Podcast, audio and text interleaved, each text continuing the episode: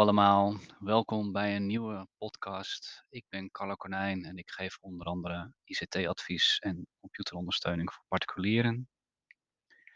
Vandaag ga ik het even hebben over phishing en hoe je dat kan voorkomen met eh, QR-codes. Maar ik ga ook even kort hebben hoe dat in e-mails eh, gebeurt.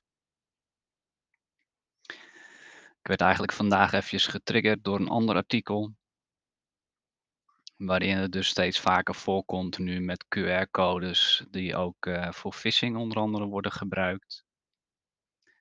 Nou, en dat komt natuurlijk ook door de populariteit uh, momenteel. Kijk, we zijn er nu wat meer aan gewend geraakt, mede door de corona-app.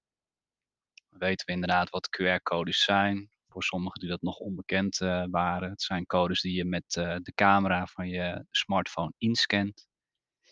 En dan gebeurt er iets. Dus er wordt iets met een app geopend, misschien iets met een website, waardoor je naartoe verwezen wordt om uh, daar natuurlijk iets te doen.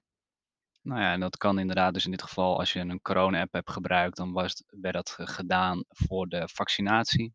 Waar natuurlijk op werd getoond uh, wat wel niet mogelijk was. Maar wordt onder andere ook gebruikt uh, door courierdiensten bijvoorbeeld. Uh, worden ook vaak websites links ingezet. Dat je bijvoorbeeld aan de zijkant van een auto zie je een QR-code. Dan kan je makkelijk met je telefoon inscannen. Ga je dan gelijk naar de website van het bedrijf. Dus het uh, heeft de laatste tijd wat meer populariteit uh, weer gekregen. Gaat meestal wat af en aan met uh, QR-codes. Tenminste, zo ervaar ik het eigenlijk. En ja, nu helaas ook met phishing. Dus even in het kort, wat is nou eigenlijk phishing?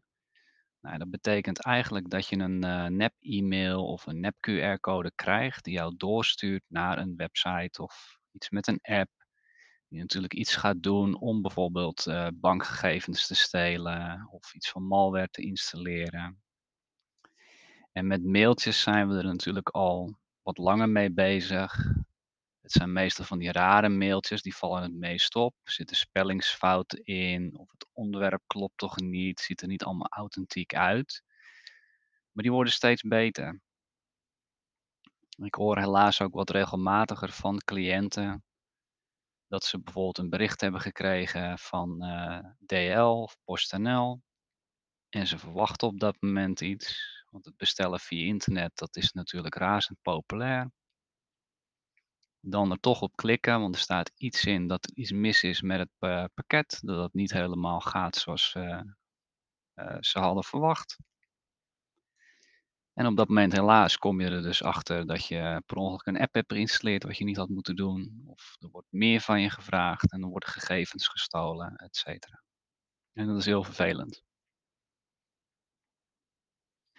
Dat gebeurt nu dus ook met QR-codes je gewoon QR-codes opgestuurd uh, krijgt om iets in te scannen. Kan ook met dat soort mails zijn, maar het gebeurt bijvoorbeeld ook in WhatsApp-berichten. Dat je zoiets toegestuurd uh, krijgt. En dat uh, maakt het natuurlijk vervelend. Nou, er zijn een aantal manieren hier om dat natuurlijk te voorkomen. Uiteraard, als je een QR-code inscant, staat er een link bij. Meestal aan de link kan je al zien van is dit wel of niet authentiek. Dat je niet door wordt gestuurd naar de leverancier, fabrikant of het bedrijf wat je probeert te contacteren. Dan kan je er eigenlijk al van uitgaan dat het niet goed gaat.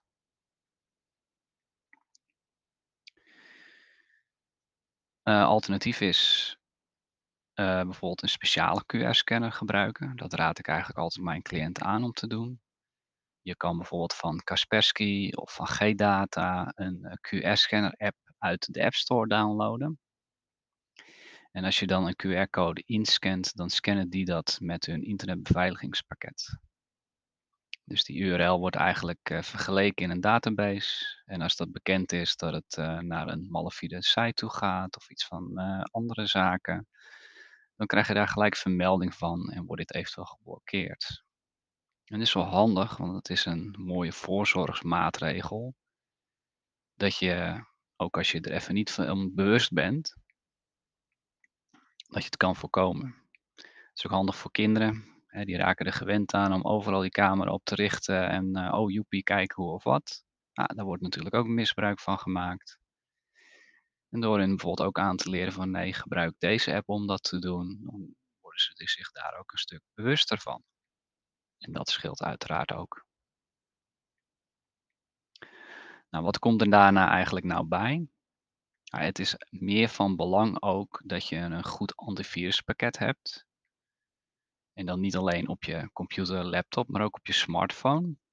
Gebruik ook nooit gratis antivirusscanners, want de databases updates zijn altijd oud in die pakketten. Het is meestal om te proberen. Er is geen uh, authentieke antivirusfabrikant die een gratis antiviruspakket geeft met alle mogelijkheden, want ze hebben tenslotte ook personeel die betaald moet worden. dat gebeurt niet met een gratis pakket. En dat hoor ik toch heel vaak ook van cliënten, dat ze ergens een gratis pakket hebben genomen. Zo van, ja, maar dat werkt dan toch ook. Het wordt ook aangeboden. Nee, dat is altijd oud. Dat is om te testen, te proberen, om te kijken of jij het prettig vindt om met die software om te gaan. En that's it. Dus altijd ergens iets betaald uh, zit erin. Of bepaalde functies worden compleet uitgeschakeld. Want bijvoorbeeld Kaspersky G-Data bieden ook gratis pakketten aan dan geven ze ook aan, let op, de meeste van al deze functionaliteiten staan uit, want het is bedoeld om te testen, om te kijken of jij het prettig vindt om daarmee te werken. En het is dus van belang dat ook die mobiele apparaten worden voorzien van een goed uh, internetbeveiligingspakket. Om onder andere ook dingen met phishing en andere zaken te voorkomen. Een andere vorm van phishing bijvoorbeeld, dat gaat via sms, WhatsApp, ook via iMessage met uh, iOS.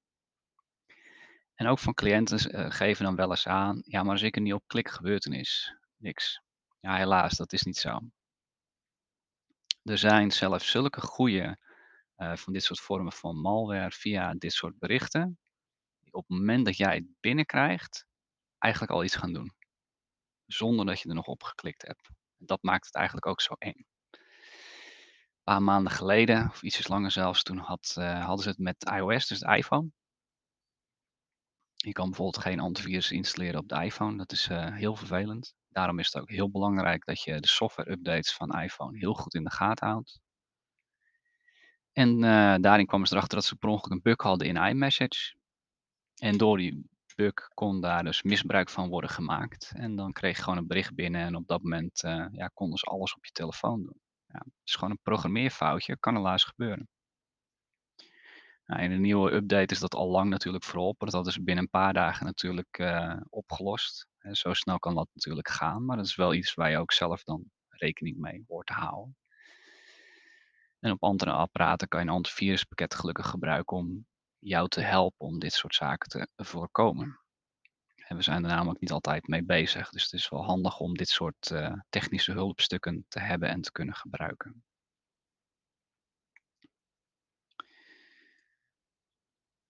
Nou ja, wat is dan inderdaad handig en wijsheid? Het is altijd handig om natuurlijk uh, een pakket te nemen die alle apparaten ondersteunt. De meesten kunnen dat tegenwoordig ook. Kies uiteraard het pakket die bij je past. Ik heb persoonlijke voorkeur voor Kaspersky en G-Data antivirus voornamelijk. Dat is meer omdat de manier hoe die software werkt, dat uh, vind ik heel gebruiksvriendelijk. En daarom is het makkelijk om mee om te gaan. Bieden beide ook ondersteuning voor een, VPN-pakket uh, als je dat zou willen gebruiken. Er wordt me ook wel eens gevraagd van, goh, mijn internetprovider biedt een antiviruspakket aan. Bij uh, Ziggo, KPN, T-Mobile, et cetera doen ze dat ook. Um, is het handig om dat bijvoorbeeld te gebruiken, want dan betaal je dan niks voor. Dat zit meestal in je internetabonnement inbegrepen. Kan je natuurlijk ook gebruiken. Hou er alleen rekening mee is dat de internetprovider dan het pakket beheert. Je hebt meestal geen inbreng in welke instellingen ze wel of niet aanzetten. En dat kan ervoor zorgen dat bepaalde zaken op je systeem niet helemaal optimaal werkt. Het kan zijn dat jij misschien ergens een bestand downloadt of zo en dan zegt dat pakket ja dat mag niet. En wellicht is dat gewoon een heel authentiek bestand, maar omdat je dat niet kan corrigeren, ja, heb je het ermee te doen. Dus dat is een beetje, ja, dat is een overweging. Hè, beslis dat voor jezelf. Uh, heb je daar wel of geen last van? Uh, maar weet dat je internetprovider dat beheert. Daar heb je dus verder geen, nagenoeg geen controle over. En als je er zelf eentje aanschaft, hè, dan kan je natuurlijk ook die instellingen een beetje aanpassen zoals het bij jou past. Er kunnen ook onderdelen in zitten die je misschien niet gebruikt. Uh, denk hier aan kinderbeveiliging bijvoorbeeld, dat bepaalde websites worden geblokkeerd. Ja, als dat standaard wordt aangezet, maar dat heb je niet nodig, dan is het een beetje overbodig en vervelend. Een andere zaak wat uh, heel belangrijk is, uh, naast beveiliging is backups.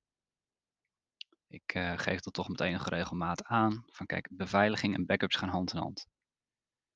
Je kan een supergoeie beveiliging hebben, maar als er dan toch nog iets tussendoor komt en je hebt geen backups of de backups waren oud, ja, dan had het natuurlijk eigenlijk geen nut. Want dan ben je alsnog alles kwijt of dingen worden versleuteld en dan is het van had ik maar. Dus naast een beveiligingspakket zorg er altijd voor dat je backups maakt. Persoonlijk ben ik groot fan van Acronis. Dus Acronis uh, Cyber Protect Home Office. Het is wel een mond vol. Maar daarmee kan je dus een backup maken van je gele systeem.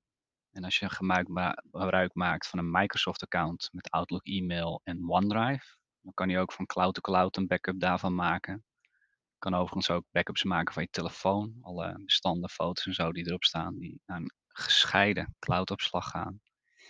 En dat is wel prettig, want mocht er nou per ongeluk toch iets fout gaan en je moet misschien je telefoon opnieuw instellen of je computer, dan kan je via Cronus gewoon een herstel uitvoeren en dan heb je alles terug. En dat is wel fijn. Het is belangrijk dat het gewoon samen gaat. Nou, en ik denk dat ik op die manier eigenlijk wel even kort heb samengevat een stukje over phishing.